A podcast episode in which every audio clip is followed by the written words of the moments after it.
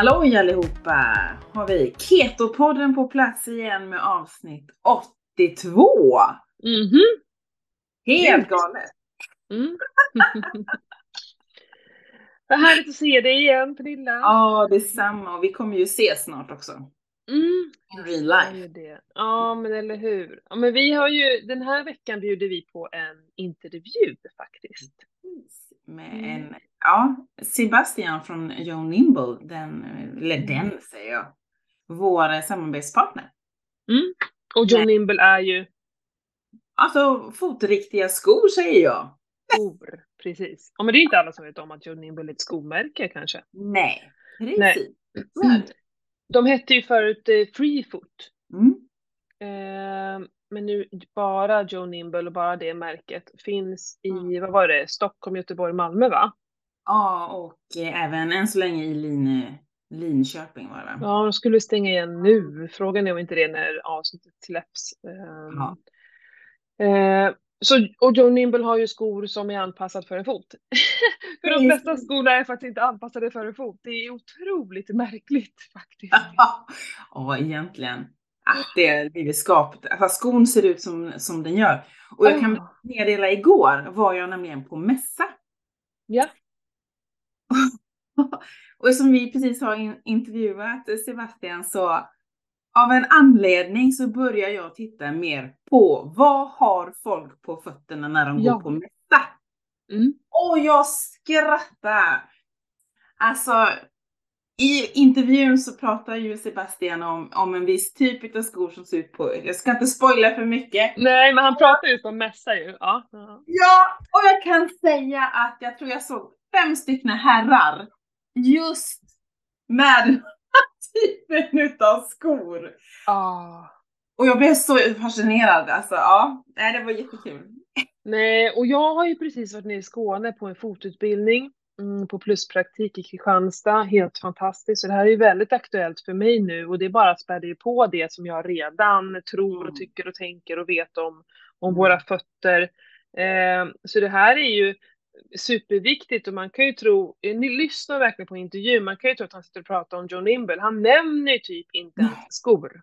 Nej. Han pratar bara fötter. så Ja. Det är inte så att alla måste springa och köpa just Joe Nimble-skor. Det finns ju andra skor. Eh, men se till att skon är, är, är gjord för dina fötter. Att Ja, att fötterna du får får- plats.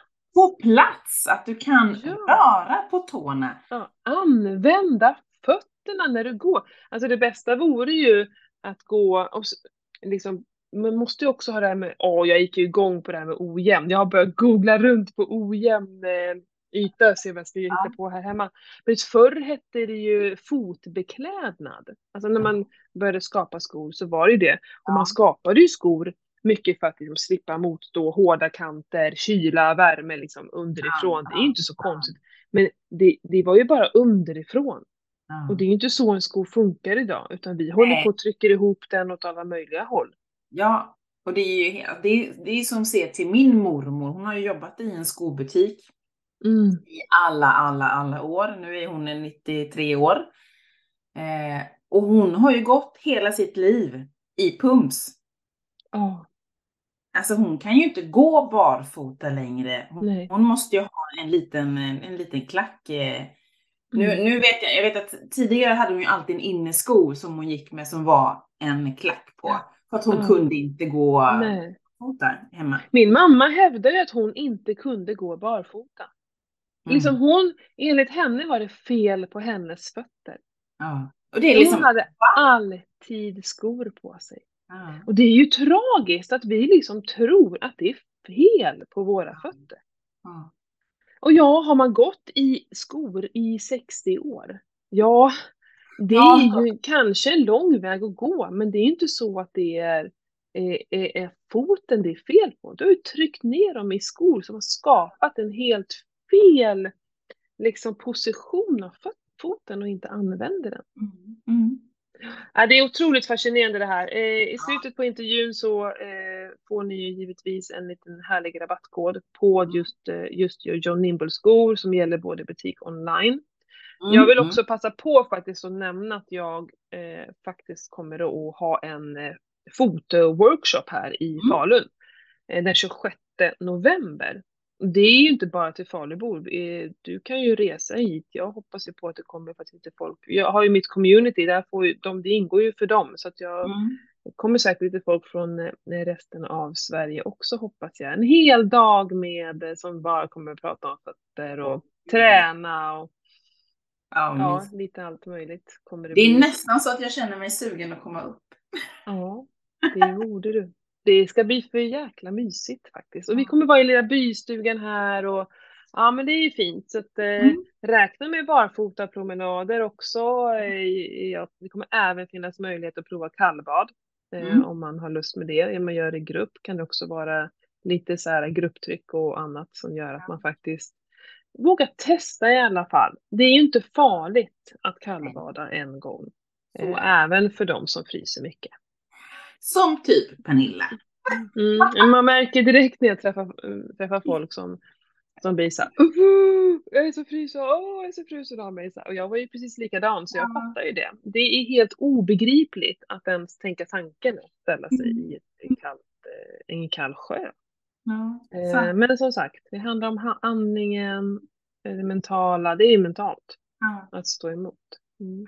Jag älskar fötter, jag tyckte det var så himla härligt att prata med Sebastian. Han verkligen, alltså Han prata med brann. Ja. Alltså, ja. vi, vi behövde knappt ställa frågor. Han bara, Nej, vi hade inte, vi hade bara kunnat säga du, prata på en timme och så hade han gjort det utan problem. Så. Eh, nu kan ju inte vi vara helt tysta. lite frågor blev det. Eh, men, men just att få träffa folk och intervjua eh, sådana som brinner så för, sin, eh, för sitt ämne och, och, och sitt arbete och så. Det är för himla härligt att ja. träffa sådana. Mm. Ja. Så jag är väldigt eh, tacksam och glad över att vi fick prata med honom. Ja. Men jag tycker vi, vi släpper väl på Sebastian helt enkelt. Det gör vi! Hoppas ni verkligen uppskattar sådana här samtal som vi har. Eh, hör av er vad ni tycker och tänker. Det blir vi alltid lika glada för. Jag älskar när det ringer folk till mig eller hör av sig. Åh, jag lyssnar på podden. Jag blir Ja. så glad. Eh, man kan bara skicka ett meddelande om att man gör det. Ja, precis. Ja, jag håller med. Få liksom ett namn, ett ansikte så här lite bakom de här siffrorna på er som lyssnar bara. Mm. Underbart! Tack och hej! Ha det gott. Gött, gött.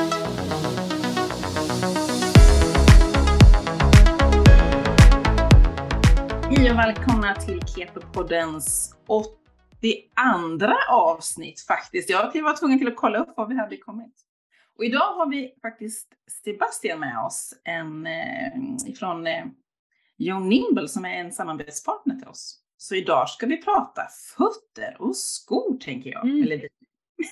Men jag tänker att du börjar att presentera dig Sebastian. Ja, tack Pernilla och Matilda. Kul att vara här naturligtvis. Det att prata med er och ni som är intresserade och eh, vill också lära ut och inspirera andra människor runt omkring oss.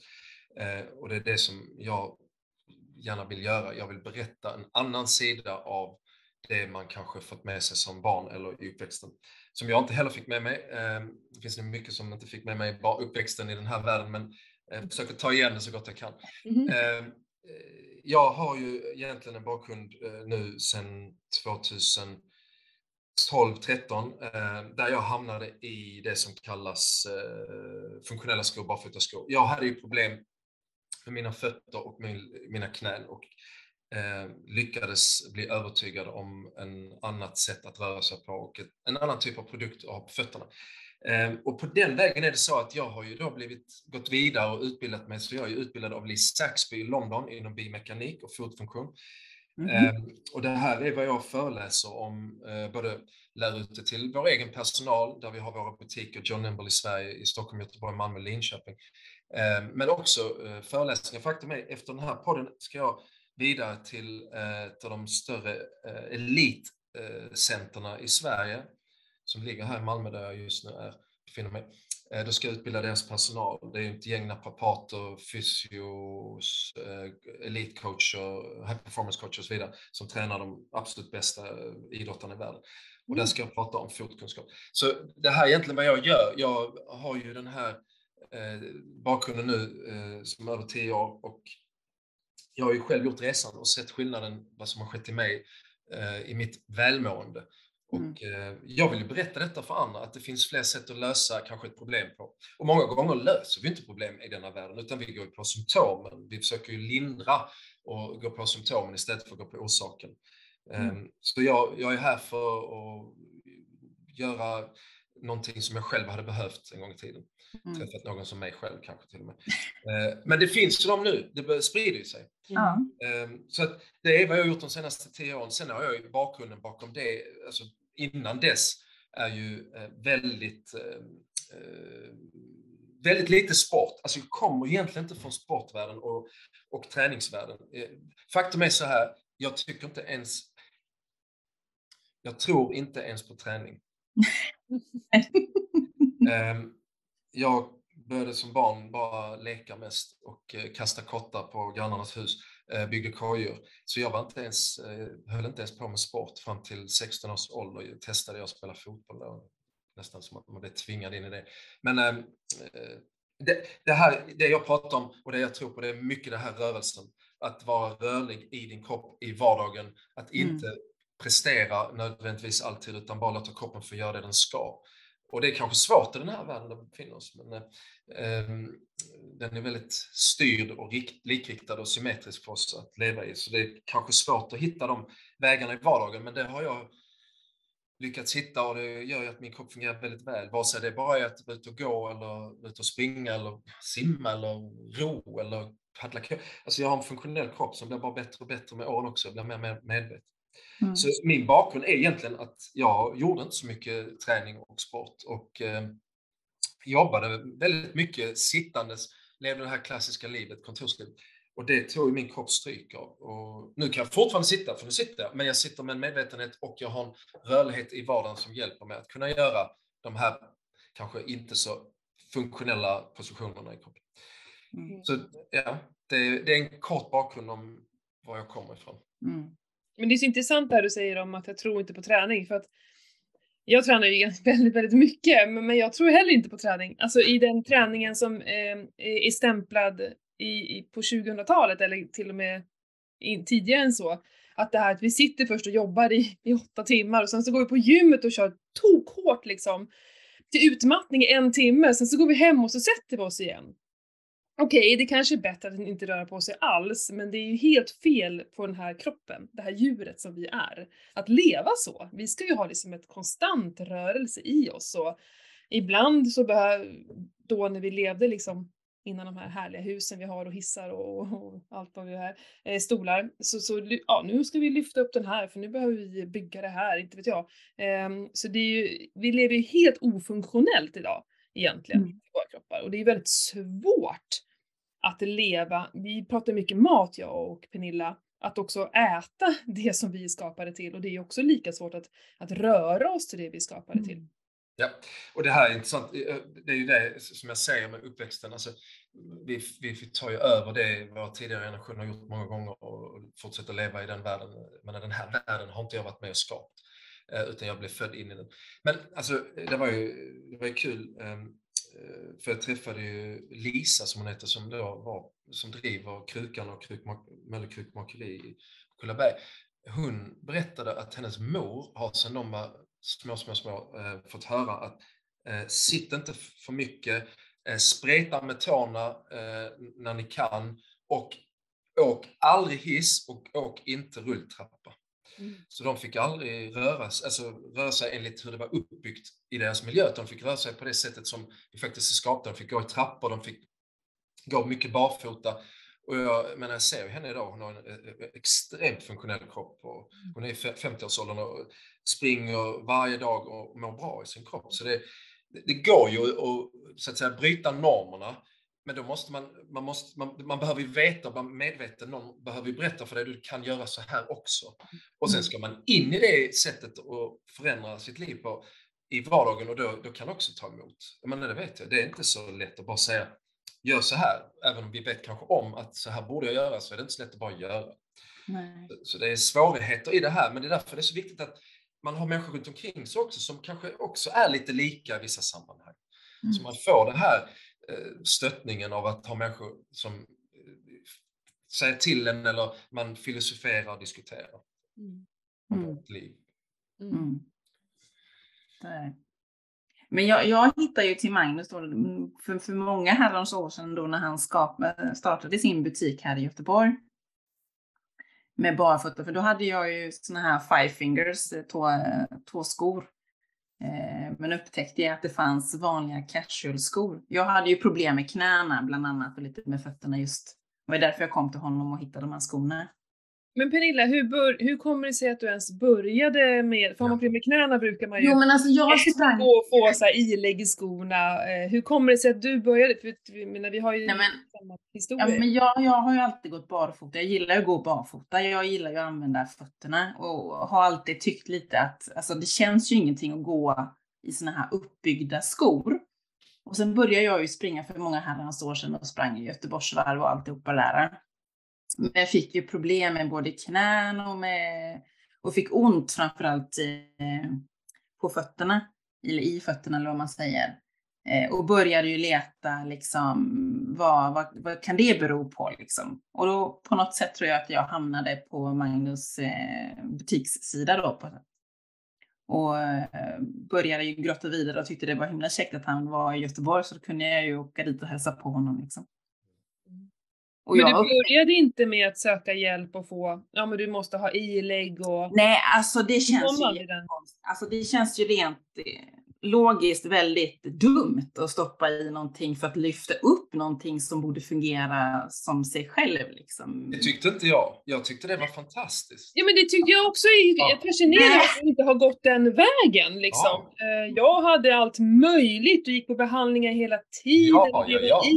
och, och Jag till slut var det så här, men alltså det är fortfarande ont. Det här kan inte vara rätt sätt. Och så råkade jag ramla in i någon som sa någonting helt nytt till mig som jag först såhär, är du inte klok? Ska jag plocka bort allting? Men sen låg det och grodde i mig ett tag och jag började googla runt lite och sådär och till slut så, så liksom så sakteliga vågade jag gå in på det spåret. Men jag själv tänkte aldrig tanken på det. Nej, men jag älskade faktiskt det här att gå in i en butik där det var en sko som hade, jag brukar säga det, den hade massa pilar på sig där det stod superduper flexsula, multi-cushioning function. Alltså jag tänkte wow, den skon, jag är ju en mega människa så jag behöver ju en megasko. Du vet så tänkte jag och ju dyrare den var ju bättre var det ju.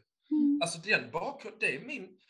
Det är därför jag kan säga till människor att det, detta händer ju nästan varje dag, nästan varje dag. Eh, när jag rör mig runt butiker och så här, säger jag, ja men jag var också dum i huvudet en gång i tiden. När de jag pratar med känner att de inte riktigt kan förstå det jag säger. Så här, men det är lugnt, jag var också dum i huvudet, det tog sin tid. och då, för det var, jag, var ju, jag, var ju, jag förstod ju inte bättre. Jag tänkte att det här behöver ju min kropp, för den har ju faktiskt ingen superduper-sula. Mm. Det är ju bara en fot, jag behöver ju någonting till det där. Mm. Så, så, så, mm. det, är, det, det är det här skiftet och den frågan du ställer Matilda, vad är det som gjorde att Pernilla fick upp ögonen för detta? För att jag tittar inte alls åt det hållet utan jag blev faktiskt tvingad in i det genom att en dåvarande vän sa till mig att eh, du testar de här.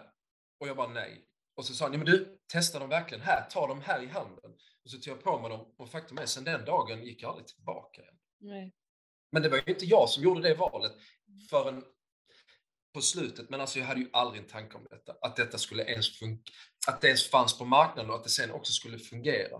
Så det har varit precis raka motsatsen. Det är ju därför jag har gjort detta nu sedan 2012. För att jag behöver ju också säga detta vidare. Jag, jag har nästan, ett, nästan att jag är eh, skyldig världen detta. Mm. Mm. Jo, men vi blir ju, alltså vi trycker ju våra barn i, eller trycker på skor på våra barn innan de ens kan gå. Till och med är vi där och trycker på skor. Det gjorde jag med. Ehm, tack och lov så lärde jag mig det här liksom innan så att jag har ändå kunnat tänka mestadels av tiden på mina barn.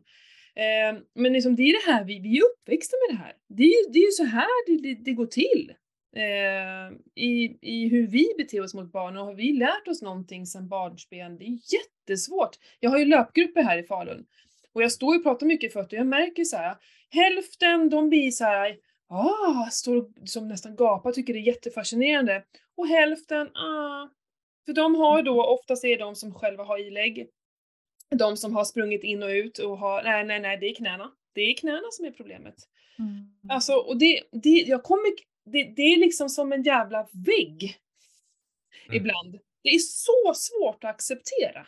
Ja, och det tycker jag är bra. För att eh, människor är inte gjorda egentligen för att bara säga, tycker jag. Jag tycker man ska ha en liten, eh, eh, ska vi kalla det ett, ett litet vakuum mellan där de är och det som de får se och höra. För annars är de inte heller med. Man måste vara med i hjärtat, man måste vara med i känslorna, man måste vara med i tankarna. Men vi behöver fortsätta berätta det, framför allt till de som har problem. Alltså, ge inte upp Matilda, du behöver Nej, inte... nej! Och det jag ville komma till var att sen på så här, jag hade en åtta veckors kurs nu, finns så länge sedan, nybörjarkurs. Ja. Eh, och det, sista träffen, hon som var mest skeptisk, hon ifrågasatte ju mig och allt möjligt på första träffen, så här.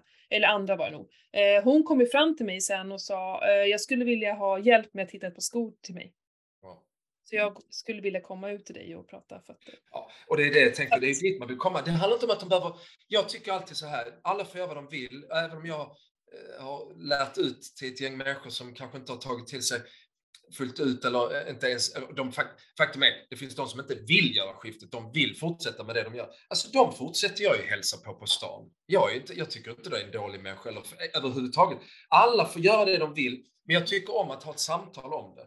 Mm. Och, och framför allt till människor som har problem. För jag säger ju alltid det att du behöver inte ha de här problemen. Mm. Eh, och nu kommer då det steget nummer två här Matilda, som du är inne på när du pratar med dina eh, deltagare.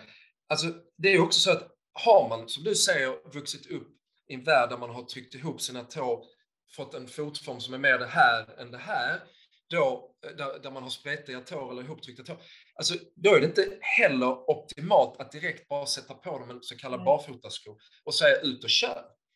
Så det är Mm. också en tillvänjning och en, en förståelse om var du befinner dig och vad du behöver göra för att det ska komma till en, att bli en, en bättre fot än vad det var innan. Mm. Så är det. Ja, så den här processen är olika för olika människor. Men det är därför jag, är så, det är därför jag gillar mig till att du bara pratar om fötter, för det är så försakat. Min, min, eh, jag har ju två föreläsnings... eh, För, jag har ju två för, föreläsningar, som en är på engelska och en är på svenska. På svenska heter den eh, Foten den bortglömda kroppsdelen Mm. och på engelska är det feetfulness. Och jag pratar ju alltid om bara att lyfta foten som ett samtalsämne. För att vi pratar så mycket om funktionella kläder, funktionell träning, funktionell mat, men jag har aldrig hört någon prata om en funktionell fot och framförallt inte i löparsvängen. Utan då är det så här, har du problem, då behöver vi stötta den med en ännu mer värderad eh, kudde som håller foten på plats så att den blir ännu mer pacificerad så du känner ännu mindre av din fot. Ehm, men jag vill i alla fall lyfta foten som faktiskt, det är det som är kontakten med marken egentligen och håller upp hela kroppen och rörelsen. Eh, Och den är ju försakad. Man har, jag har ju aldrig kommit till en, jag har aldrig haft, det har blivit ändringar nu, men tidigare har jag aldrig haft en löpcoach som har pratat om fötterna. Mm. Aldrig. De har pratat om allt annat utom foten. Och de gånger man har pratat om, om att man har problem med fötterna eller smärtor, ja men du, du får nog titta på ett par inläggssulor eller på ett par andra skor. Mm. Så där är ett skifte bara där att prata om foten. Sen behöver inte alla anamma det. Ehm, och det kommer oftast, i viss ålder kommer det ändå att ske ett skifte eh, för de flesta, för då har de, gått, då, då har de så stora problem att det till och med, alltså då bryr de sig inte om vad det är för märke, vad det är för sko, vem som har sålt den, jag vill bara må bra. Och då Mm. brukar oftast den här perioden inträffa eh, på olika, i olika åldersspann, men den inträffar ju oftast någonstans efter 40 hos de flesta. Mm. Där känner de, ah, men jag, kan inte, jag har för mycket smärta, jag kan inte gå det här, det här trycker ihop, det här mår inte jag bra. Och så får de prova en sko som är mer frigörande, då, då, då sker skiftet oftast av sig själv. Men nu när vi börjar halka in på skor då, berätta om, eh, om Joe Nimble och, och era skor och, och hela den, eh, ja vad ska man säga? Filosofin kanske, eller? Ja men visst, för det är ju inte bara en sko, det är väl mycket mer än en sko tänker jag. Men ja, det är ju, det är ju, egentligen är det ju inte, det är inte meningen att det ska vara en sko. Det ska, det ska nästan vara fri för, eh, så här. ehm, John Nimble har ju funnits i 40 år. De, de har ju verkat i de tysktalande länderna. Det är där de har sina butiker också. Och huvudbolaget heter Bär. Och det är Christian Bär som grundade detta för 40 år sedan, för han hade enorma problem med sina fötter. Han var ju kringresande och jobbade på mässor, så han stod upp hela dagarna. Så först och främst satt han i bilen och sen när han hade suttit klart så stod han upp i ett par randsydda finskor eh, på hårda betonggolv. Ehm, och det gjorde han ju eh, år ut och år in. Alltså det var verkligen en ruljans på det. Och han kände varje kväll han kom hem, och under dagen också, att han hade fotproblem. Så han, eh, helt enkelt en dag kom det till den punkten att han, han tog inte på sig skor en dag för han hade så stora smärtor. Han hade köpt alla olika modeller av skor och ingenting hjälpte. Så han ställde sig barfota på mässan. Och det gjorde att företaget Bär och John Nimble uppfanns kan man säga. För där insåg han att vänta lite, det är inget fel på mina fötter, det är fel på mina skor. Mm. Så han började tillverka skor som var fotformade. Mm. Istället för de klassiska konventionella skorna som är skoformade med, med symmetrisk tåspets. Och där eh, har det ju utvecklats till att bli en sko som i huvudsak alltid handlar om tåfrihet, att tårna får ta plats. Och det är faktiskt det viktigaste. När man pratar funktion så kan man bara titta på sin hand, att du har en tumme som är separerad från de övriga fingrarna. Gapet där är större än mellan de övriga fyra. Mm. Och metatarsalhuvudet, alltså stortå och tummens led, eh, metatarsalhuvud 1, det är ju den, den är stortån har ju två leder, alla andra har tre leder. Den stortån ska få komma ut, ta plats och jobba och det får den inte i konventionella skor där den trycks ihop mot hallux valgus Mm. Och du får ju massa dilemman där med foten när man trycker upp dem. Och det, det var det Christian sa, han sa, mina fötter mår som bäst när de får lov att spreta. Mm. Så det är egentligen grundprincipen till varför jag sitter här idag. Det är tåfrihet eller toe freedom eller scenfrihet som det heter på tyska. Och det, det, är utgången. Sen kan du ha olika tjocklek på sulorna. Du kan ha sulor som är väldigt tunna, som låter foten känna underlaget. Det kallas ju att man får proprioception, alltså feedback via nervändarna och i huden och musklerna som berättar för hjärnan vad som händer. Så du kan korrigera, du kan balansera, du kan ehm, uppfatta dig själv mycket bättre i, i allet och i rymden än om du skulle ha en tjock sko som tar bort all feedback. Och det, det, är ju det som är det här ständiga debatterandet nu, märker jag ju. Att, men hur, hur är det nu? Ska det vara en tunn sula? Ska det vara en tjock sula? Ska det vara en eh, vilket material. Och det vi alltid kommer fram till med forskningen, det är så här. Fötter ska inte sitta i ett fotfängelse. De ska alltså inte sitta ihopklämda. Mm. Sen huruvida du har klack, och så är det, man räknar skor som är, har mer än 3 mm dropp mellan fram, eh, delen av skon och hälen. Om det är mer än 3 mm, då räknas det som klack. Allt från 3 mm neråt räknas faktiskt som eh, att man eh, är i en naturlig position. Och det finns olika forskning kring varför det är så. Eh, det har att göra med hur eh, strukturen i eh, akilles, alltså hälsenan ser ut och eh, vad som händer när du laddar din kropp på foten. Ehm, så det här med dropp är också ehm, någonting man kan ta i beaktande, men det handlar om att komma så nära den naturliga foten och rörelsen som möjligt. Och då, då handlar det bara för att prioritera detta så är nummer ett i hierarkin är tåfrihet, att tårna får mm. separera sig och röra sig fritt och liksom kunna spela piano. Eh, och nummer två är att den inte har toe spring, alltså skon får inte peka upp fram till. För det gör nämligen att tårna i en klassisk sko trycks ihop mot mitten och sen lyfter, lyfter man hela tåpartiet fram på skon upp i i luften så att säga. Så du får tårna att ligga på en hylla och det är för att du ska slippa använda dem så du rullar över dem. Mm. Och det är det vi mm. vill komma bort ifrån. Att tårna faktiskt får ankra i marken. Det kan du bara titta på när du står barfota.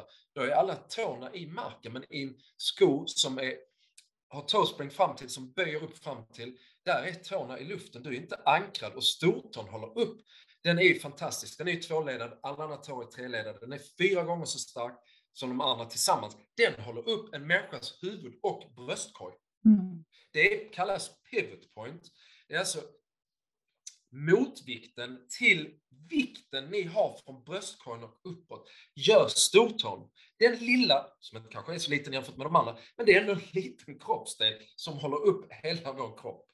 Och får den inte vara med och aktiveras och ankra så kommer vi korrigera och kompensera i kroppens väg, kedja upp i lederna till nacken. Och då får vi faktiskt en hållning som inte är naturlig i gravitationen och vi rör oss på ett kompenserande sätt för att foten inte får göra det den ska. Och det är roten till kroppen. Mm. Så skorna, tanken med skorna är ju att låta foten landa på marken plant, inte platt. Det är skillnad på plant och platt. Och många säger att de här skorna är alldeles för platta. Så säger jag, men de här är inte platta, de här är plana.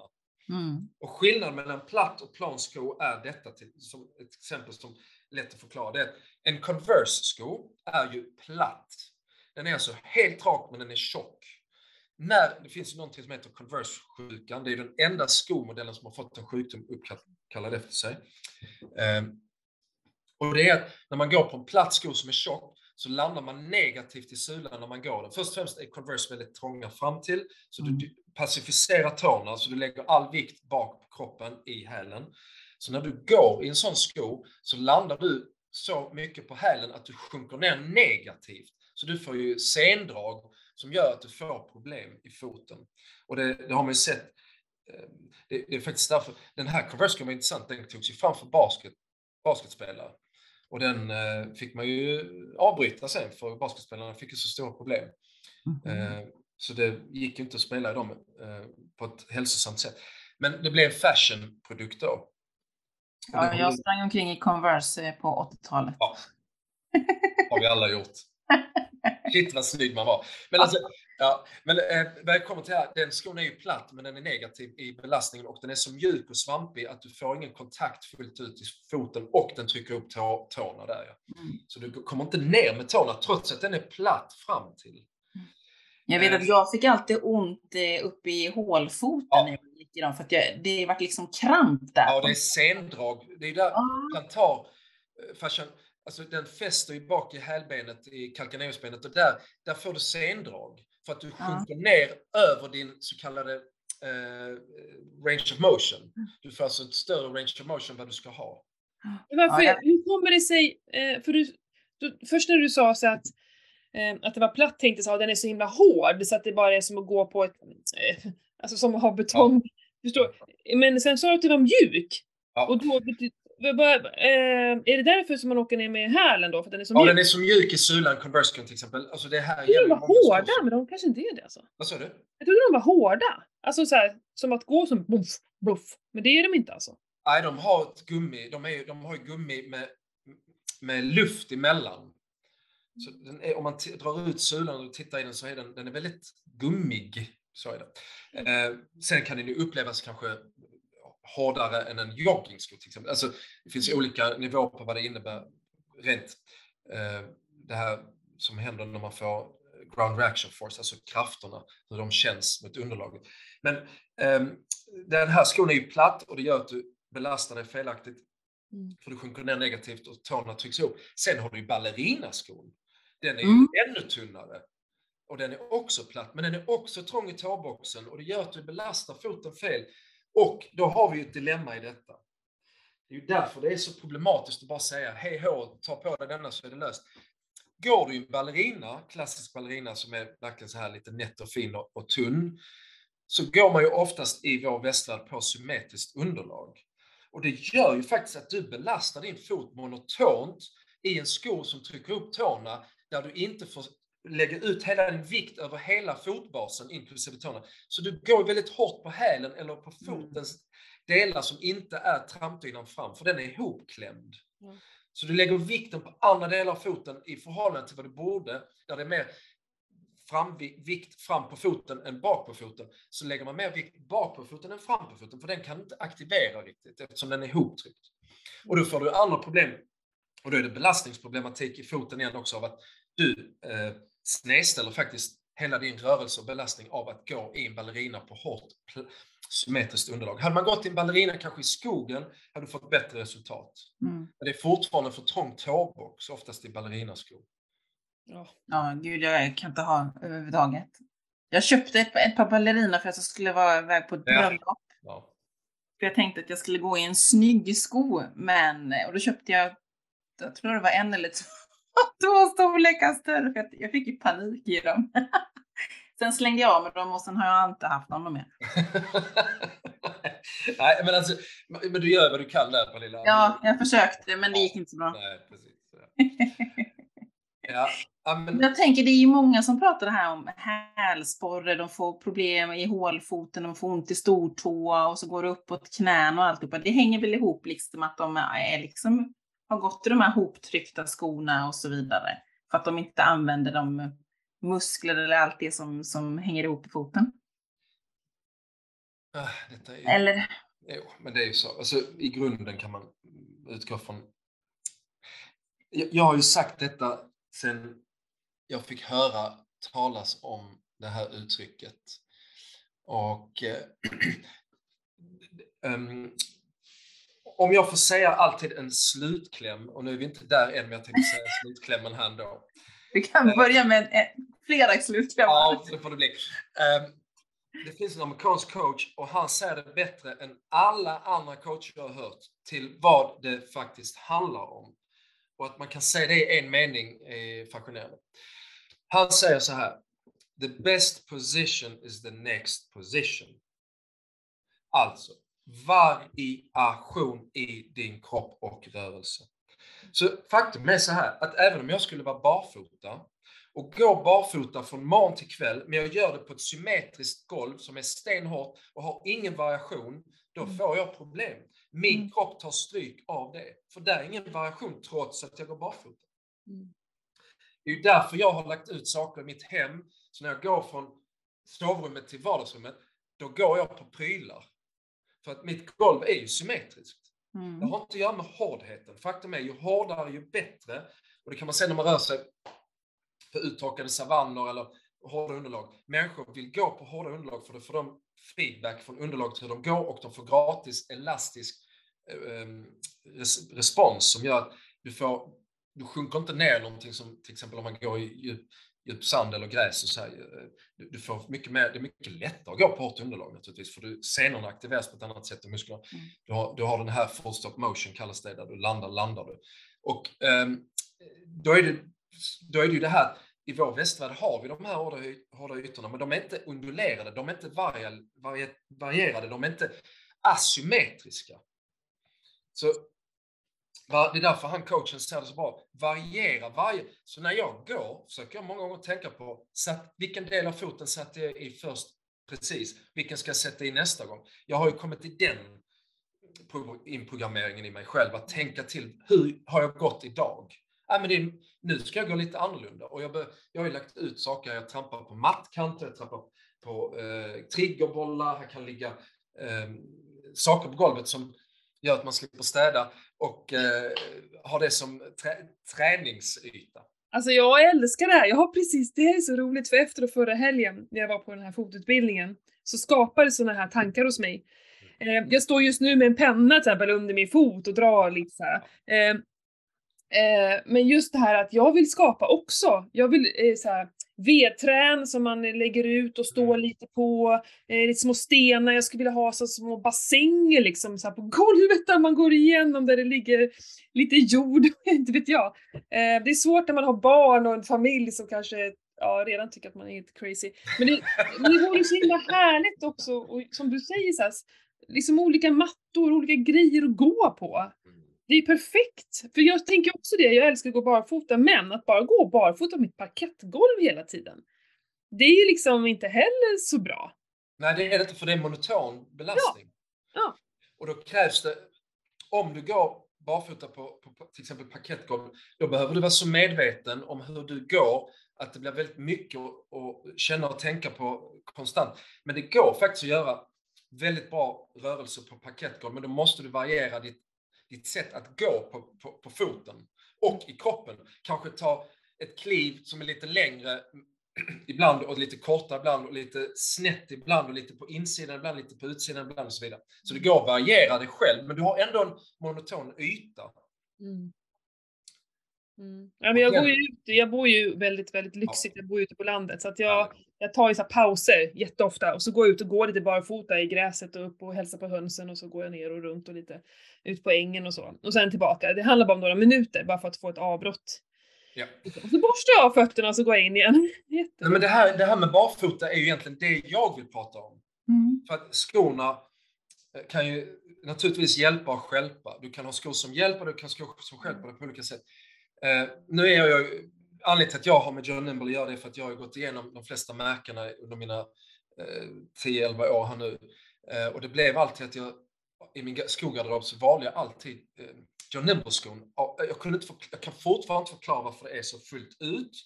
Jag har ju fått det förklarat för mig teoretiskt, men det är ändå så här, den skon vill jag ha, då blev det den och därför har vi också generellt, eh, för vi hette ju Freefoot, vi hade ju massa märken innan och det är inget fel på andra märken, det är bara vad som hände var att vi alla gick i John Nimble och då sa John Nimble till oss så här, hej guys, om ni nu bara går våra skor ni pratar och ni har det största sortiment är våra skor, ska ni inte bli John Nimble i, istället då, så, så kan vi samarbeta med. Mm. Och då tänkte vi, ja men då gör vi det, testa och jobba med John Nimble där och det har vi gjort nu i snart två år. Eh, Men jag vill egentligen prata om den fria foten. Mm. För antingen är du barfota eller så är du inte barfota. Och den som tror att den är barfota i konventionella strumpor är inte barfota. Alltså en konventionell strumpa har ju en A-form. En korrekt strumpa ska ha en V-form. Och eh, bara där får du olika rörlighet i tårna beroende på vad du har för strumpor. Så många tror ju att de, har, de kanske går i en så kallad funktionell sko eller barfotasko eller minimalistisk sko, men de har strumpor som fortfarande håller ihop tårna. Mm. Så du får ändå inte den fulla effekten. Alltså jag pratar om att vara barfota utan någonting som isolerar mellan underlaget och foten. Där hjärnan får direkt propositiv feedback och, och kan eh, hantera signalerna utan ett filter. Eh, Det är ju egentligen det jag vill utgå från.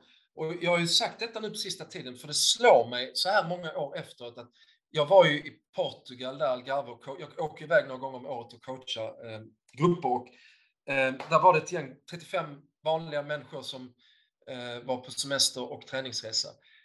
Då hade jag precis haft en workshop inomhus, om, teoretiskt, om foten och eh, det skulle vi praktisera ute eh, på en 400 meters bana där det fanns gräs och det fanns eh, den här 400 meters banan som är relativt den behöver man inte vara så rädd att springa på. Det finns liksom ingenting som folk kan bli rädda för att trampa på.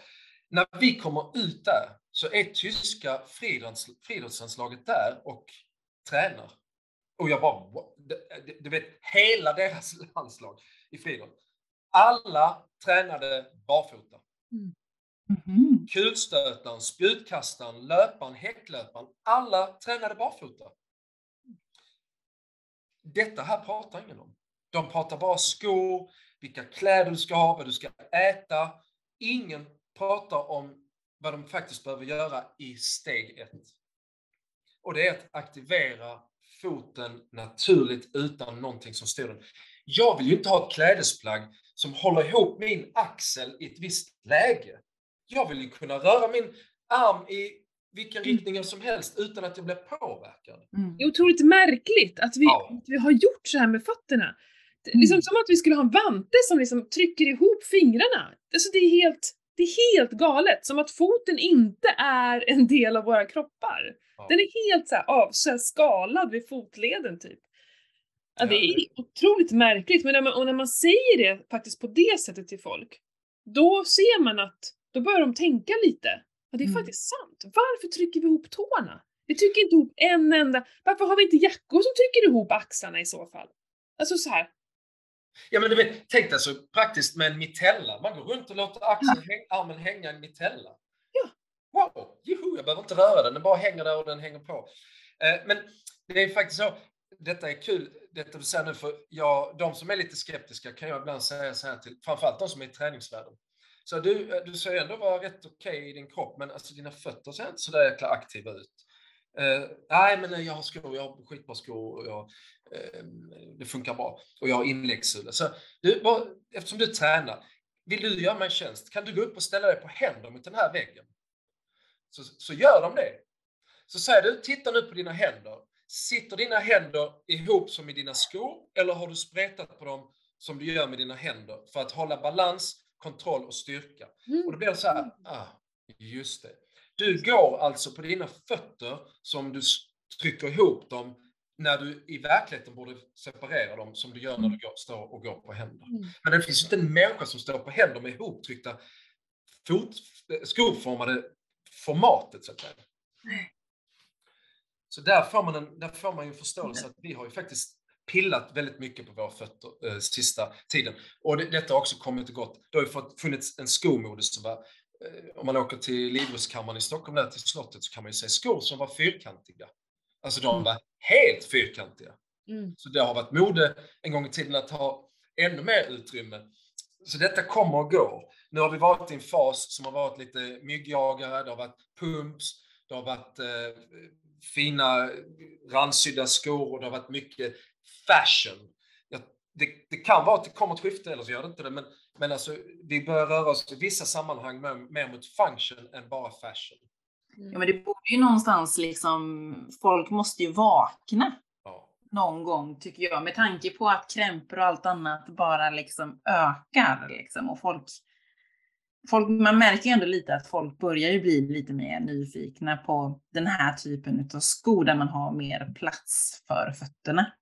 Ja, och det, detta, detta här med fashion och function, alltså det är ju, det är ju alltid ett dilemma. Vi har ju två ögon och de vill ju ha sitt också och vi är födda in i att det ska se ut på ett visst sätt.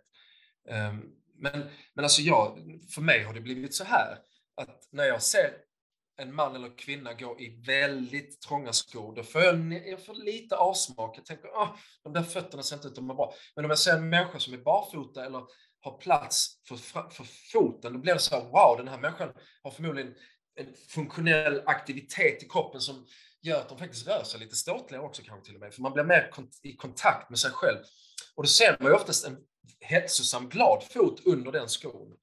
Mm. Så jag, jag, för mig faktiskt fashion inte en trång sko med en konventionell spetsig tåbox, utan fashion för mig är faktiskt en bred tåbox. För det har blivit så för mig. Mm. Så jag har ju ändrat mig från att ha varit en klassisk, alltså jag har haft så många finskor om, om mina alltså, jag har köpt så mycket fina skor. Alltså. Men då ska jag säga, om vi pratar om finskor, min man köpte ju eran finskor från John, Joe Nimble, ja. den svarta. Ja. Alltså den är riktigt Ja. snygg! ja, det är den faktiskt. Och, Ja, för, som du säger, det är fashion att ha, eller ja, nu vi Mm. pratar ju kanske inte samma språk, men det, man ska ha smala och sådär. Men, och jag sa när han köpte dem, de där jäkla tar du hand om, inte liksom trycka foten bakom när du tar av dem, utan du får ta av dem med händerna och Ja. verkligen. Och, det, han, och han tycker själv att de är skitsnygga. Och då Mm. tar han också hand om dem på ett helt annat sätt. Men alltså de är riktigt snygga. Ja, Och breda. Och det är väl Mm. för att jag älskar också fötter. Jag älskar ju när jag ber mina klienter när de kommer så av med strumporna, jag vill inte ha något, något sånt där på dig. Eh, när, när jag får se då någon som har Mm. så här riktigt, ja men mellanrum mellan tårna. Ja, det är fint. Ja, Ja, men, det... jag men alltså, jag tänker så här, de som kanske lyssnar eller de som inte är inne i detta. Alltså, jag, det handlar inte om att vara fotfetischist eller någonting sånt, utan det handlar ju bara om att jag, jag vill ju ha en funktionell kropp hela vägen. Mm.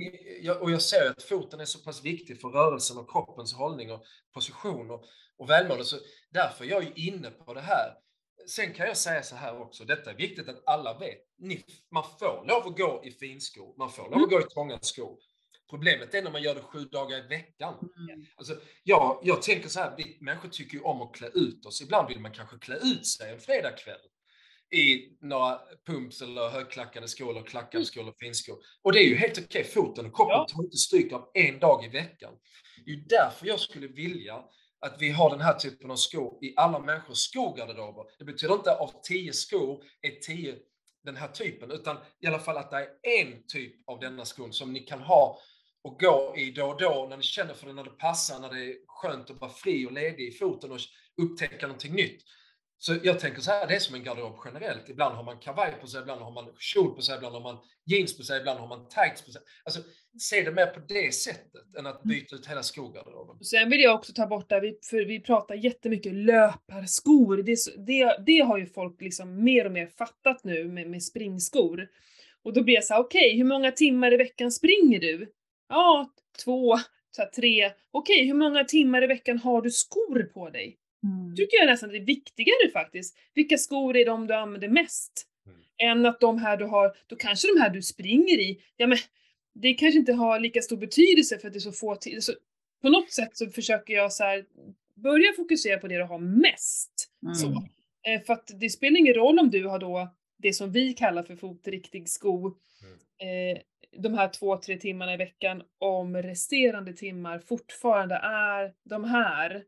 Mm. Eh, Nej, men det är rätt. Det är så jag resonerar. Så rätt. Det, det, det är det. Vad gör du mest av din vakna tid? ja. Vad kan du påverka då mest av det eh, för välmåendet? Men alltså, det är verkligen det här. Jag träffar ibland en och annan människa som säger ah, men jag har inga problem.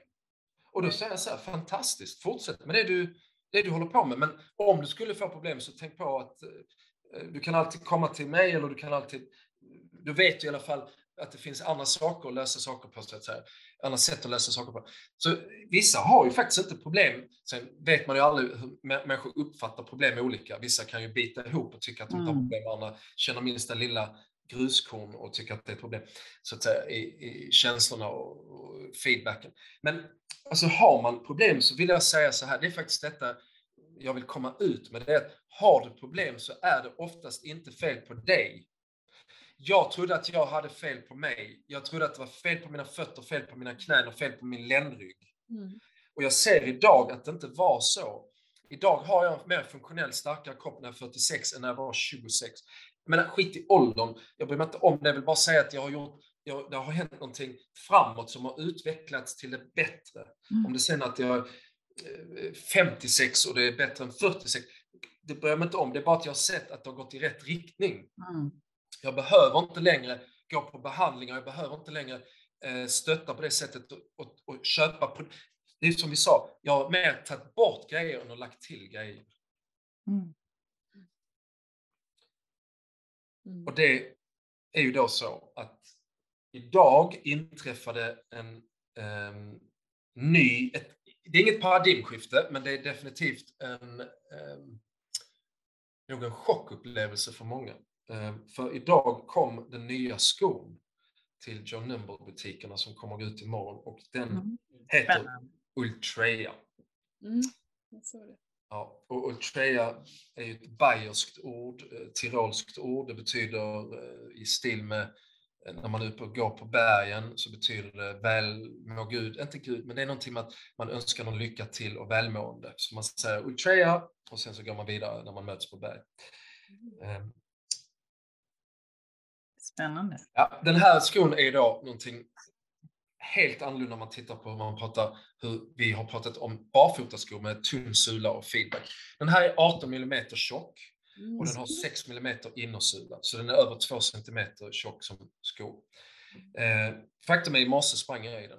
Eh, så att eh, jag har testat den två gånger tidigare. Eh, fick den som demosko i mars i år och i maj, juni. Och jag ni vet, så här, jag går bara i mina 4 mm sulor. De, de har, alltså det är det enda jag går i. Men eh, jag använder Addict, den som är en sko som är lite tjockare. Eh, den är ju 10 mm. Den använder när jag vissa sporter som när jag spelar tennis. Så jag har den som en tennissko. Men när jag springer terräng är det bara 4 mm. När jag kör swimrun är det bara 4 mm. Men Ultrean är ju en sko som då är mycket tjockare, men den är fortfarande nolldroppad. Den är eh, eh, i ett material som eh, PU heter det och det är till skillnad från vanliga joggingskor som är eh, EVA-material som är luftbubblor så är detta ett mycket mer eh, komprimerat material som sladdar energi och skjuter tillbaka. Skon är alltså full tåfrihet, men den ger dig mindre belastning på allting i foten. Så du kan springa snabbare och längre utan att bli fatig och trött. Eh, genom att skon faktiskt är mer förlåtande. Men foten får jobba helt naturligt. Men den ser futuristisk ut och den liknar mycket mer kolfiberskor. Och eh, den är mer för performance, men det är en vägsko, roadsko, eh, asfaltsko. Mm. Så de som fortfarande vill springa med en tjockare sko kan nu göra det i Ultrean. Men de har full tåfrihet och de får faktiskt feedback från underlaget ändå. Mm. Trots att den är så tjock. För man har arbetat fram ett, ett material som, är, eh, som släpper igenom den här sensoriska feedback. Så den, det är ju ett skifte igen. För jag menar, vi kommer verkligen från, och jag kommer verkligen från den så kallade barfotaskon och helt plötsligt så säljer jag en sko som är 20 mm tjock. Mm. Eh, och det är fascinerande att man ens vågar ta det steget som John Nimble har gjort. Mm. Men de har världens främsta löpcoach, Ehm, Lee Saxby, eh, som är en del av John Nimble. Och det är han som har tagit fram de här skorna. Och han är en barfota eh, människa. Han har ju, han har ju eh, varit med och tagit fram eh, många barfotaskor och minimalistiska skor eh, de sista 15 åren. Och eh, han säger så här, variera sulan och använd den till ha, tänk på sulans tjocklek för det ändamålet du ska ha och syftet du behöver dem till.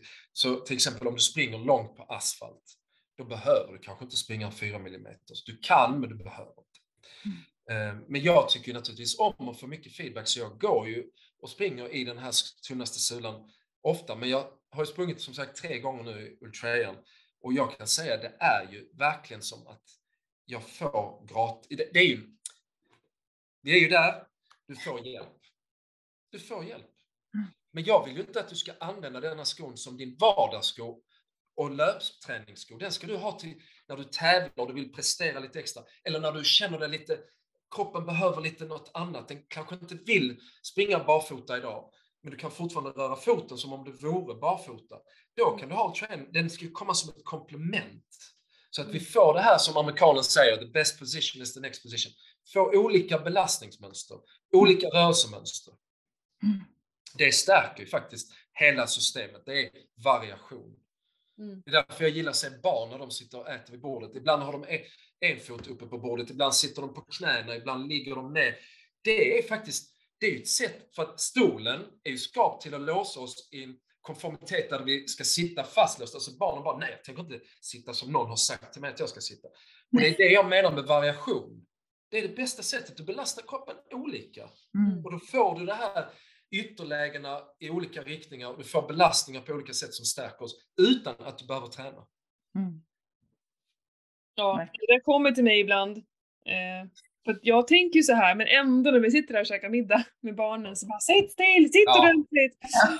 Ja, ja. För det är inte så, jag, jag tycker jag är lite så också man ska visa respekt för maten och så de bara hänger så här och jag vet inte. Ja. Men det Ja, är nej, men- sant. Nej, men det är där är, svårt. ja, ja, det är det. Men, men alltså, man kan ju fråga sig, det kanske inte är så att de inte respekterar maten. Nej. Det kan, det ju vara, men det kan faktiskt vara helt andra faktorer som gör att de hänger eller man ser ut på ett visst sätt. Det kan göra vad som händer i, i, bland vänner, bland skolan, i familjen, i hur dagen har varit och så vidare. Alltså det finns olika anledningar. Jag tänker så här, de flesta människor är nog väldigt glada att de får äta. Och hade de fått, sen kanske vi är lite bortskämda på visst sätt också i livet, men ehm, jag tycker att det är viktigt i alla fall att inte säga att så här ska du sitta, så här ska det vara, utan de får ju också leka lite grann. Mm. Det får ju vara lekfullheten som får styra, för det är oftast det som gör att det blir roligare. Mm. Men eh, som förälder kan man ju inte heller släppa kanske taget om varenda grej och säga gör vad du vill, det är inte så, men alltså mycket variation tror jag på. Ja. Mm. Eller, eller välja sina strider med barnen. Ja, det är det. Är det. ja. Ja, jag som har en 16-åring som hellre sitter och kollar i den här äh, Mm. saken som verkar sitta fast i ansiktet på honom. Det gör den ju. Det gör den ju. Ja. Jag har ju, jag har ju, man har, jag har ju allting i den telefonen. Så det, är ju, det finns ju ingenting jag inte har där som jag... Alltså det, jag kan ju verkligen, jag skulle ju kunna leva ett liv totalt passiviserad. Jag skulle kunna ligga i sängen 24 timmar om dygnet och eh, hantera mitt liv. Jag hade kunnat beställa mat som blir levererad. Jag kan Mm. beställa eh, städhjälp. Jag vet inte varför jag skulle behöva städa om jag inte rör mig i lägenheten. Nej, precis. Ja, men men eh, jag, kan, jag kan sköta mitt jobb om jag har Mm. den typen av jobb, distansjobb. Alltså jag skulle kunna ligga i en säng och leva livet utan att röra mig ut Mm. ur den kvadraten, eller rektangeln. Mm. Eh, Lite skrämmande. ja. Men det, det, är det om man tittar på det så. Men samtidigt så kan man också se det som att eh, här finns det ju massa mer att göra Mm. som vi missar. Och det är ju det som handlar om att bli inspirerad och kunna nå ut och ställa frågor, det är ju att någon berättar någonting fantastiskt och, och sen så tänker man wow, det har jag aldrig tänkt på. Mm. Och så får man nya eh, idéer och, och börjar ifrågasätta kanske saker också. Jag menar ordet varför är ju väldigt bra. Var, varför är det så här? Varför mm. gör jag så här? Varför tänker jag så här? Är det ens jag som tänker? Är det, har jag bara fått med mig någonting från tidigare generationer? Mm. Så det här ordet varför är ju bra. Och framför allt om man är skadad. Varför mår jag inte bra? Mm. Alltså det, och det är jobbigt att svara på de frågorna för du har inte kanske svaren alltid för man kanske är så pass avtrubbad också. Man inte vet var man ska börja. Och det är därför jag menar att människor behöver hjälpa varandra. Mm. Vi, kan, vi, vi, har olika erfarenheter, olika sätt att hantera saker på. Och, och, kan jag hjälpa någon så är det ju underbart. Och kan någon hjälpa mig så blir det ju fantastiskt. Mm. Mm. Jo, och vi pratar ju mycket kring det här med att reflektera över sig själv, jag och Matilda. Mm. Att man ska liksom ta sig tiden och lyssna. Vad, vad, vad säger kroppen till mig egentligen? Mm. Och har man ont, ja, men vad kan det bero på? Och så får man börja. Mm. Ja, och det, det är ju det här jag vill säga också, att är det så att någon lyssnare här har de här problemen, alltså just om man tittar på löprelaterat eller någon form av träningsrelaterat, alltså kom till oss. Mm. Ställ, ställ, frågan, i princip, kan du vara med och hjälpa mig? Kan jag, kan jag få någon hjälp av dig? Kan du, kan, du, kan du ge mig någonting som jag inte vet vad jag ska göra just nu? Och sen om jag är rätt eller fel, det, det är inte så viktigt alltid i början. Det är mer bara att, få, att man har en trygghet i att den människan man pratar med är någon man känner sig säker med, så att säga, i den bemärkelsen att ja, men, oavsett vad så är det ett bra möte. Mm. Um, för det handlar någonstans om att komma igång med någonting för att sen ta nästa steg. Och det, jag har gjort saker som kanske inte är rätt väg att gå, men det visste jag det efter jag hade gjort det. Mm. Så det handlar också om att inte bara göra rätt, det handlar också om att se vad som händer om man gör kanske inte helt rätt. Då vet mm. man också någonting mer.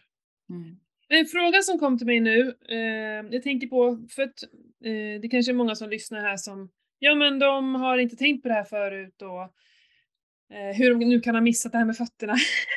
Om de lyssnar på Ketopodden. Men, eh, men jag tänker att de har, de har ilägg, de har de här klassiska skorna, eh, och, men också då problem.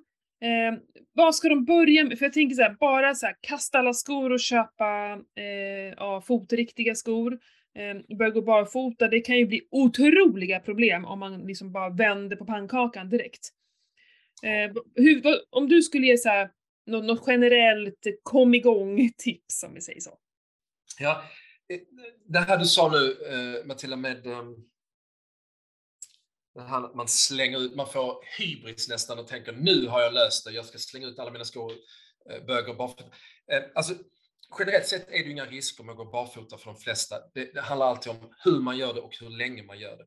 Men att bara röra sig barfota och komma i kontakt, det är en sak. Men jag brukar dra en liknelse till det här. Om man aldrig till exempel har tränat på något, kan, ta ett exempel klassiskt som många gör, gå på gym. Om du aldrig har varit på ett gym och gjort de här övningarna och så tar du upp en hantel och så ska du göra några bicepsövningar, eh, curls.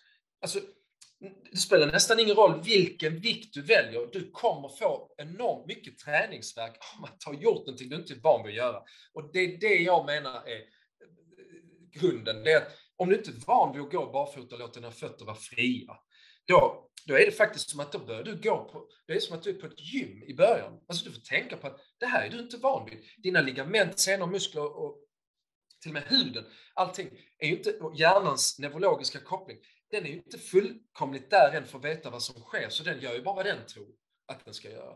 Och det, det är det jag menar, det, det, handlar om att känna in det här och vara lite tålmodig, lite, lite, lite tålmodig, mer, lite mer tålmodig än vad man kanske skulle behöva, eller vad de flesta är. Att bara ta det steg för steg. Progression. Utveckling handlar inte om att jag är på en viss nivå, jag vill komma upp till den här nivån med ett stort kliv, för det, då tar vi stryk. Då faller vi tillbaka också oftast, för då har vi inte följt med i progressionen. Mm. Så det här är en progression, att börja känna in sina fötter och faktiskt ta på dem. Och som svar på din fråga Matilda, mm. så är det faktiskt, jag vet att detta är svaret för många kvinnor, att vakna upp på morgonen, titta på sina fötter, bland det första man gör, hålla i dem, krama om dem och säga jag älskar er. Mm. Och det är inte lätt när man har hallux valgus eller man har eh, fotproblem där man tycker att foten inte är en, den vackraste kroppsdelen man har och säga jag älskar er. Så det är inte meningen att man säger det kanske direkt, men ta på dem och titta på dem och ge dem kärlek och värme och omtänksamhet och att du tittar på dem. Det är steg ett. Mm. För det är så vi utvecklas av att vara närvarande och ge, ge det faktiskt kärlek och omtanke. För där kan du börja, även om det känns jobbigt. Oh, de här fötterna är bara problem. Och de är inte fina, jag tycker inte om dem. Jag vill helst bara paketera in dem med ett rosa eh, snöre och en rosett så jag slipper se dem. Det är ju det lätta sättet, det är ju att gå på symptomen så att säga. Men att gå på orsakerna faktiskt titta på fötterna och säga hej till dem. Och bara ta på dem, känn bara på dem. Ge dem lite närhet och lite tryck lite på dem, vrid lite på dem, känn på tårna. Bara gör, gör det till att börja med. Det är faktiskt steg ett. Mm. Ja, men det bästa, det bästa som finns är ju att få fotmassage. Ja, ja det är helt ja, det, ja, det, alltså, det borde ju vara någonting som ingår nästan i... Men alltså det märker man när jag har haft kurser och utbildningar, här, när man får lov att, när man masserar varandras fötter. Alltså du vet det, det gör ju att alla ens fasader rämnar. Man, mm. man, man, blir, man blir mycket mer sig själv och man kopplar till andra människor så oerhört starkt också av att mm. någon tar på ens fötter och man ser dem. Och det, är, det är faktiskt att ge kärlek på något sätt. Mm. Och, eh, det, det, är där det, är där, det är därför vi saknar kopplingen. Vi vill ju inte ens ta på våra egna fötter oftast. Och för att ta det vidare så är det ju då att, eh, att börja gå mer barfota, men gå på asymmetri. Gå gärna i skogen, även om det verkar märkligt. Va? Jag ska gå barfota i skogen. Eh, jag menar, du behöver inte göra det länge, men bara gör det. Ha med dig dina andra skor i handen. Bara känn underlaget, trampa på någonting så du får känna foten och kroppen jobba. Eh, och få den här medvetenheten om din kropp genom foten. Bara det räcker i någon minut. Sen kan du ta på dig skorna och gå igen. Mm. Gör du detta, det händer så oerhört mycket. Jag menar, när, som jag sa, när tyska friidrottslandslaget, men detta gäller inte bara tyska friidrottslandslaget, jag vet detta bland, bland alla elitidrottare. När de använder sina fötter barfota och de är på elitnivå, då behöver vi förstå att här finns någonting med detta mm. som är oerhört vitalt för att vi ska få fungerande kroppar. Mm. Men vi har köpt ett koncept av att du behöver pronationsstöd, du behöver supinationsstöd, du behöver en hälkudde, du behöver en, en, en eh, eh pilott fram till som håller upp till nedsjunkna eh, trampdynan och, och fotvalvet och tålederna som ska hållas på plats av, på olika sätt. Alltså detta här är ju ett koncept av att säga, du, det här behöver du köpa, annars kommer det inte bli bra. Mm. Och det köper vi för att vi har inget annat att sätta emot. Nej. Vi tror ju på detta. Mm. Så för mig handlar det om att bara berätta att din fot har allt den behöver. Den har allt. Faktum är, den har mer än allt annat som vi har lyckats tillverka i världen. Och det kan man se, nu börjar man närma sig. Men ni vet robotar, när, man, när människan tillverkar en robot som ska likna eh, människans rörelsemönster, så kan man se att roboten rör sig väldigt eh, inhumant nästan. Alltså den rör sig väldigt stelt och eh, den är väldigt mekanisk. Mm. Och det kommer från att robotens fot är bara en platta. Så när den plattan rör sig så rör sig allt annat i robotens kropp också mekaniskt för att det finns ingen följsamhet och rörlighet i foten. För man har nämligen inte kunnat efterlikna fotens struktur som vi människor har fått med oss så att säga sedan urminnes tider.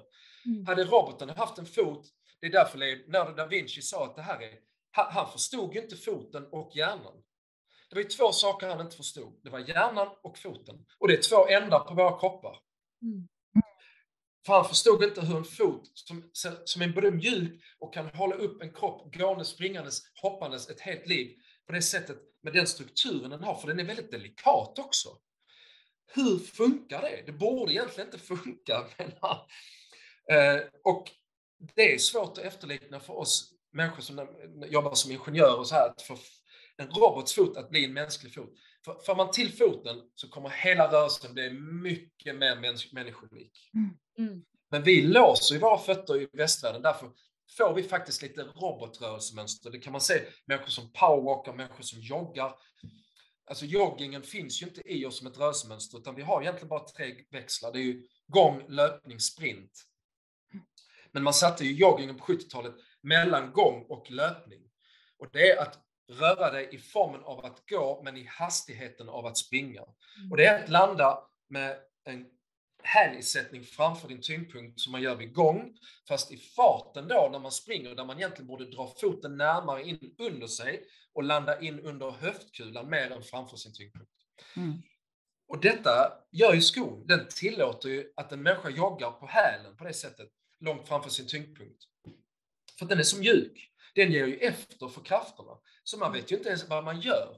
Och då brukar man säga, men jag, kunde ju, jag har joggat hela mitt liv och nu har jag ont i knäna. Ja, det är för att du har faktiskt slitit på dina leder eftersom du inte har vetat vad du gör. Skon har styrt dig till att göra den rörelsen och hjärnan har inte fått proprioceptiv feedback till att styra om dig. Så har du mm. gjort vad du har gjort och då blir det tyvärr ett slitage.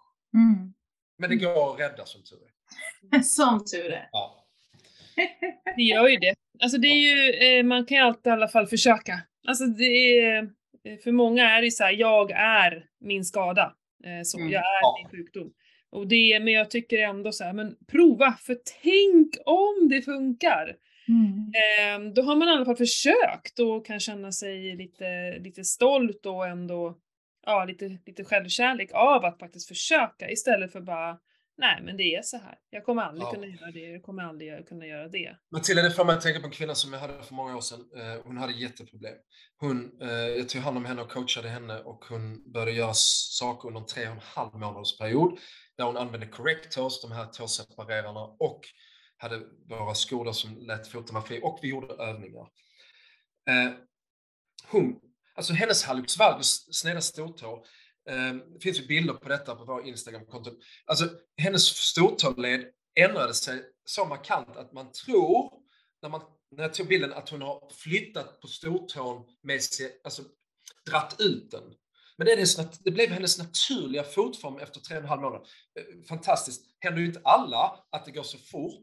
Vissa går det fortare för, andra tar det 18 månader för. Mm.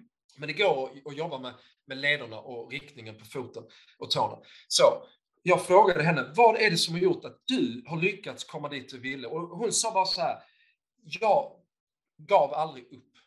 Mm. Hon, för många ger upp på vägen, nej det här kommer inte gå. Nej men det här känns för mycket, ja men det här kan ju inte vara rätt.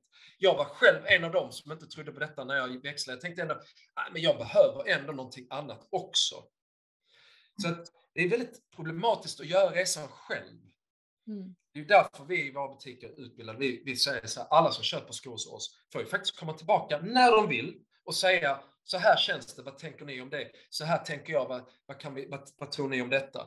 Eh, jag har det här nu, vad, vad, kan vi göra med det? Alltså, vi, alla som, det, det, här, det viktiga är inte bara skon, det är vad du gör i skon också. Mm. Men ni har ju lite helhetskoncept i butikerna. Ni har ju lite yoga, ni har lite föreläsningar och så vidare.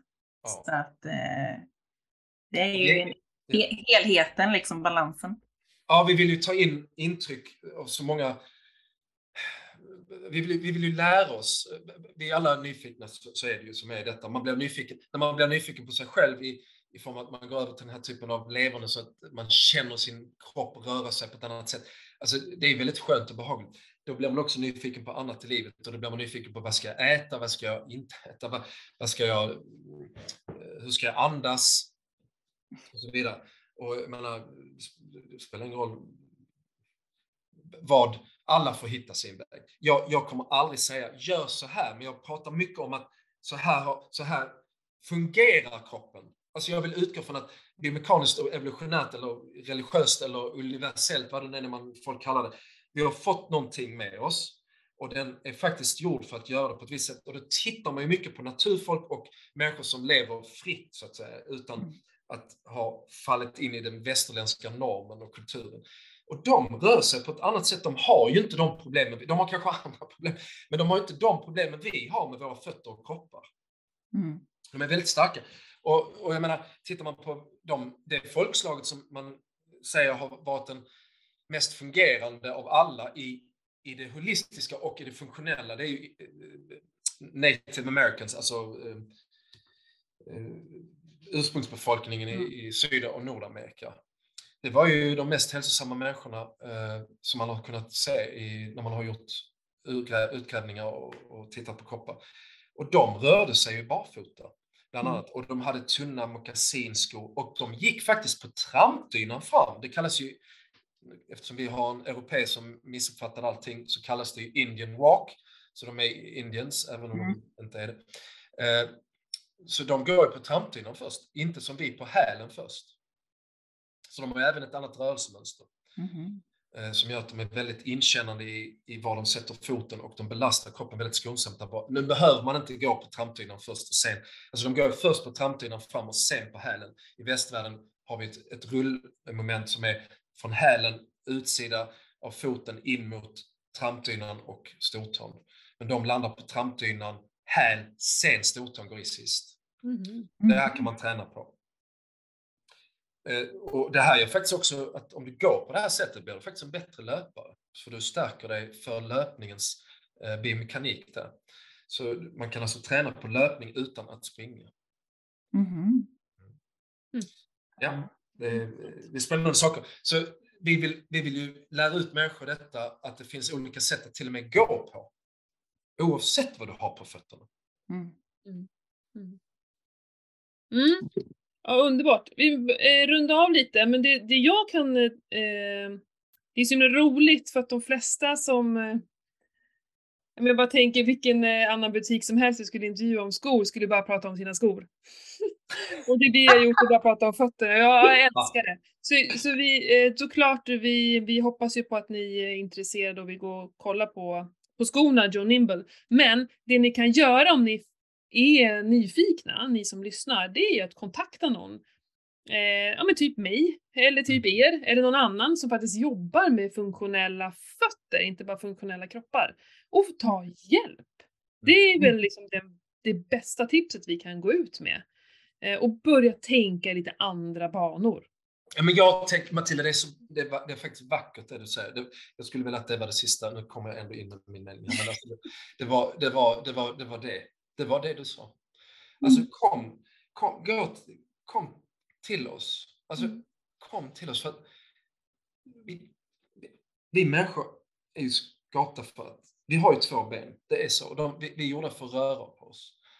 Um, vi vill inte bli äldre och svagare och sluta med en rullator, rullstol eller sängliggande. Vi vill inte det, det vet vi vi ser, bara man ser att en människa börjar halta, då tänker man, åh, det, det kan, vilket liv. Alltså det, det begränsar oss så oerhört mycket. Så jag säger så här, jag nästan säger, skit i vad ni äter, förlåt. Eh, det, det, gör vi inte. Men alltså, det, det, är så viktigt att vi håller igång våra kroppar. Mm. För med förståelsen av våra kroppar så kommer också förståelsen av vad vi ska äta många gånger. Alltså det mm. finns olika sätt att komma in på sig själv. Man kan börja med maten och det får en att tänka vidare. Alltså det finns många ingångar.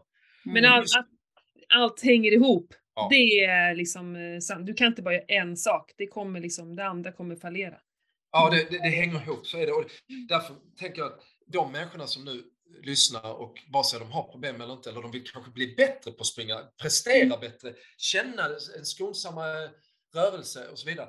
Eh, det hjälper vi gärna till med. Det handlar inte bara om patologiska sjukdomar eller människor som har skadat sig eller har problem, utan det är även de som vill prestera, som får alltså, känna ännu mer eh, förfining i sin kropp.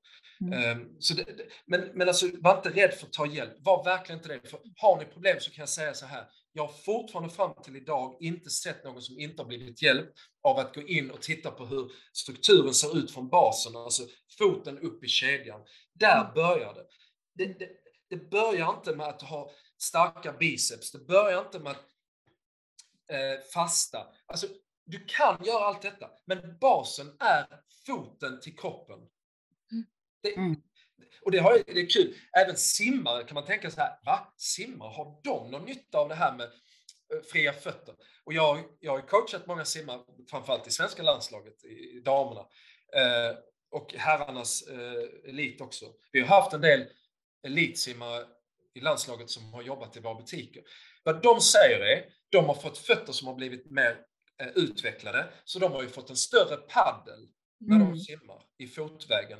Och i frånskjutet från pallen eller från kaklet har de en mer aktiv fot som trycker ifrån. Så till och med alltså en simmare får effekt av att använda, att gå barfota eller i den här typen av skor. Mm. Så det, fin- det händer så mycket i våra kroppar av att vara kopplade genom foten. Och det är märkligt att det är så. Jag kan inte säga varför det är så. Jag har inte uppfunnit människan och mig själv. Jag bara ser vad som händer Mm. Och observerar det. Mm. Jag tycker bara det är så himla, det är så logiskt och så naturligt att gå barfota ute. Mm. Det händer saker i hela kroppen, ända upp i hjärnan. Det är, ja. Man måste testa själv för att fatta. Ja. Ja, och för, att inte, för att verkligen tydliggöra att livet är paradoxalt. Jag var ju ehm, för många år sedan på en festi- karneval, alltså Fasching på tyska heter det, det var i Köln. Världens största karneval där. Där man går utklädd i tre månader. Ehm, och ehm, då gick jag i utklädnad och då hade jag skor som var, eh, då hade jag eh, boxningsskor och de är väldigt tajta för att jag var utklädd till eh, Rocky. Alltså, det var ju väldigt kul att gå utklädd och jag kände mig som en boxare och jag menar de här skorna var inte optimala. Men jag ville ha dem för att jag ville vara utklädd till det här som... Mm. Men, men jag menar, jag hade ändå med mig mina skor som tillåter foten att vara fri också. Så jag vill, jag vill säga det, bli inte nördig, bli inte som att oh, om jag inte har de här skorna varje dag så kommer, det, kommer jag misslyckas. Alltså, slappna av.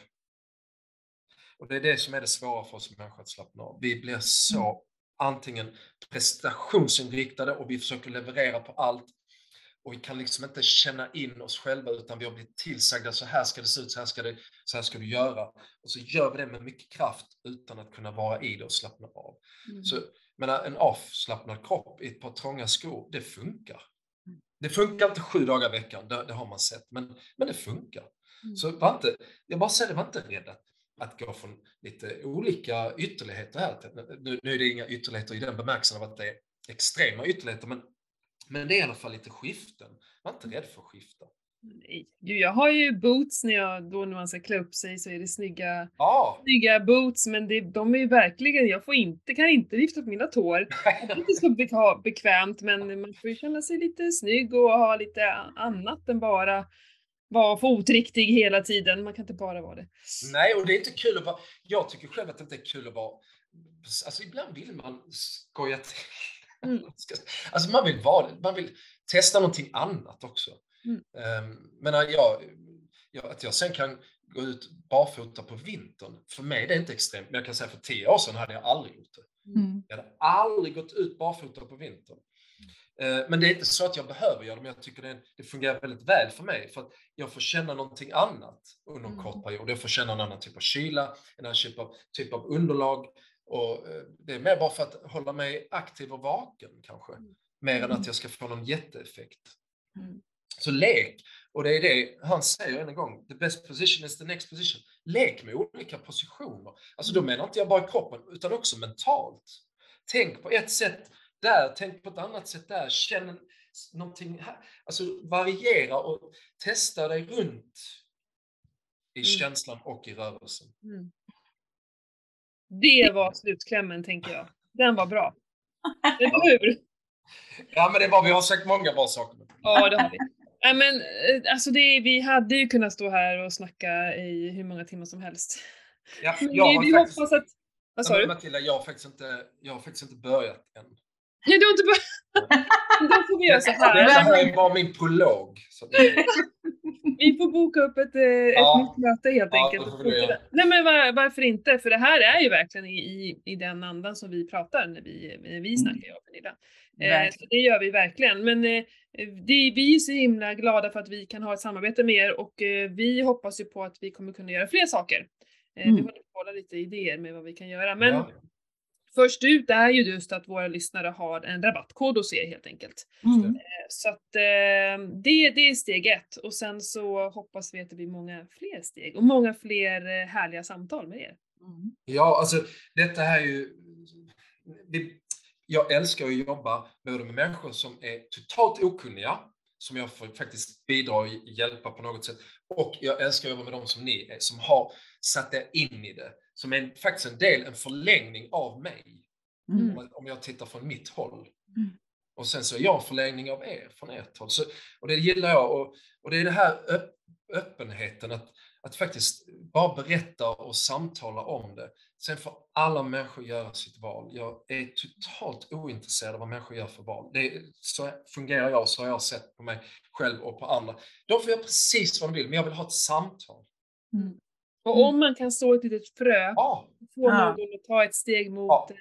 mot eh, ja, om du är skadefri eller bättre mage eller vad det är, så är jag världens lyckligaste. ja Liksom. men det är så det är. Mm, Mm. verkligen. Tack så mycket Sebastian och Pernilla och alla ni som lyssnar. Eh. Rabattkoden på Jon Nimbus är eh, Ketopodden. Såklart. Enkelt. Såklart. Både Ja. online och i butik. Ja, det stämmer. Både online och i butik, ja precis. Och det är ju Stockholm, Göteborg, Malmö. Mm. För, nu kommer en liten drop här, Linköpingsbutiken stänger i Nej. nästa vecka. Okej. Men det är inget märkligt, allting följer plan. Faktum är Håkan som driver Linköping, han kommer finnas kvar. Han kommer köra på papper. Eh, så att eh, vi kommer ha skor kvar där och visa upp. Men eh, Stockholm, Göteborg och Malmö har ju sina Mm. butiker och på nätet johnnimble.se. Yes. Mm. Super. Grymt! Tack snälla. Tack Och så ha en mycket. fortsatt trevlig dag. Ja, detsamma till er. Hej då!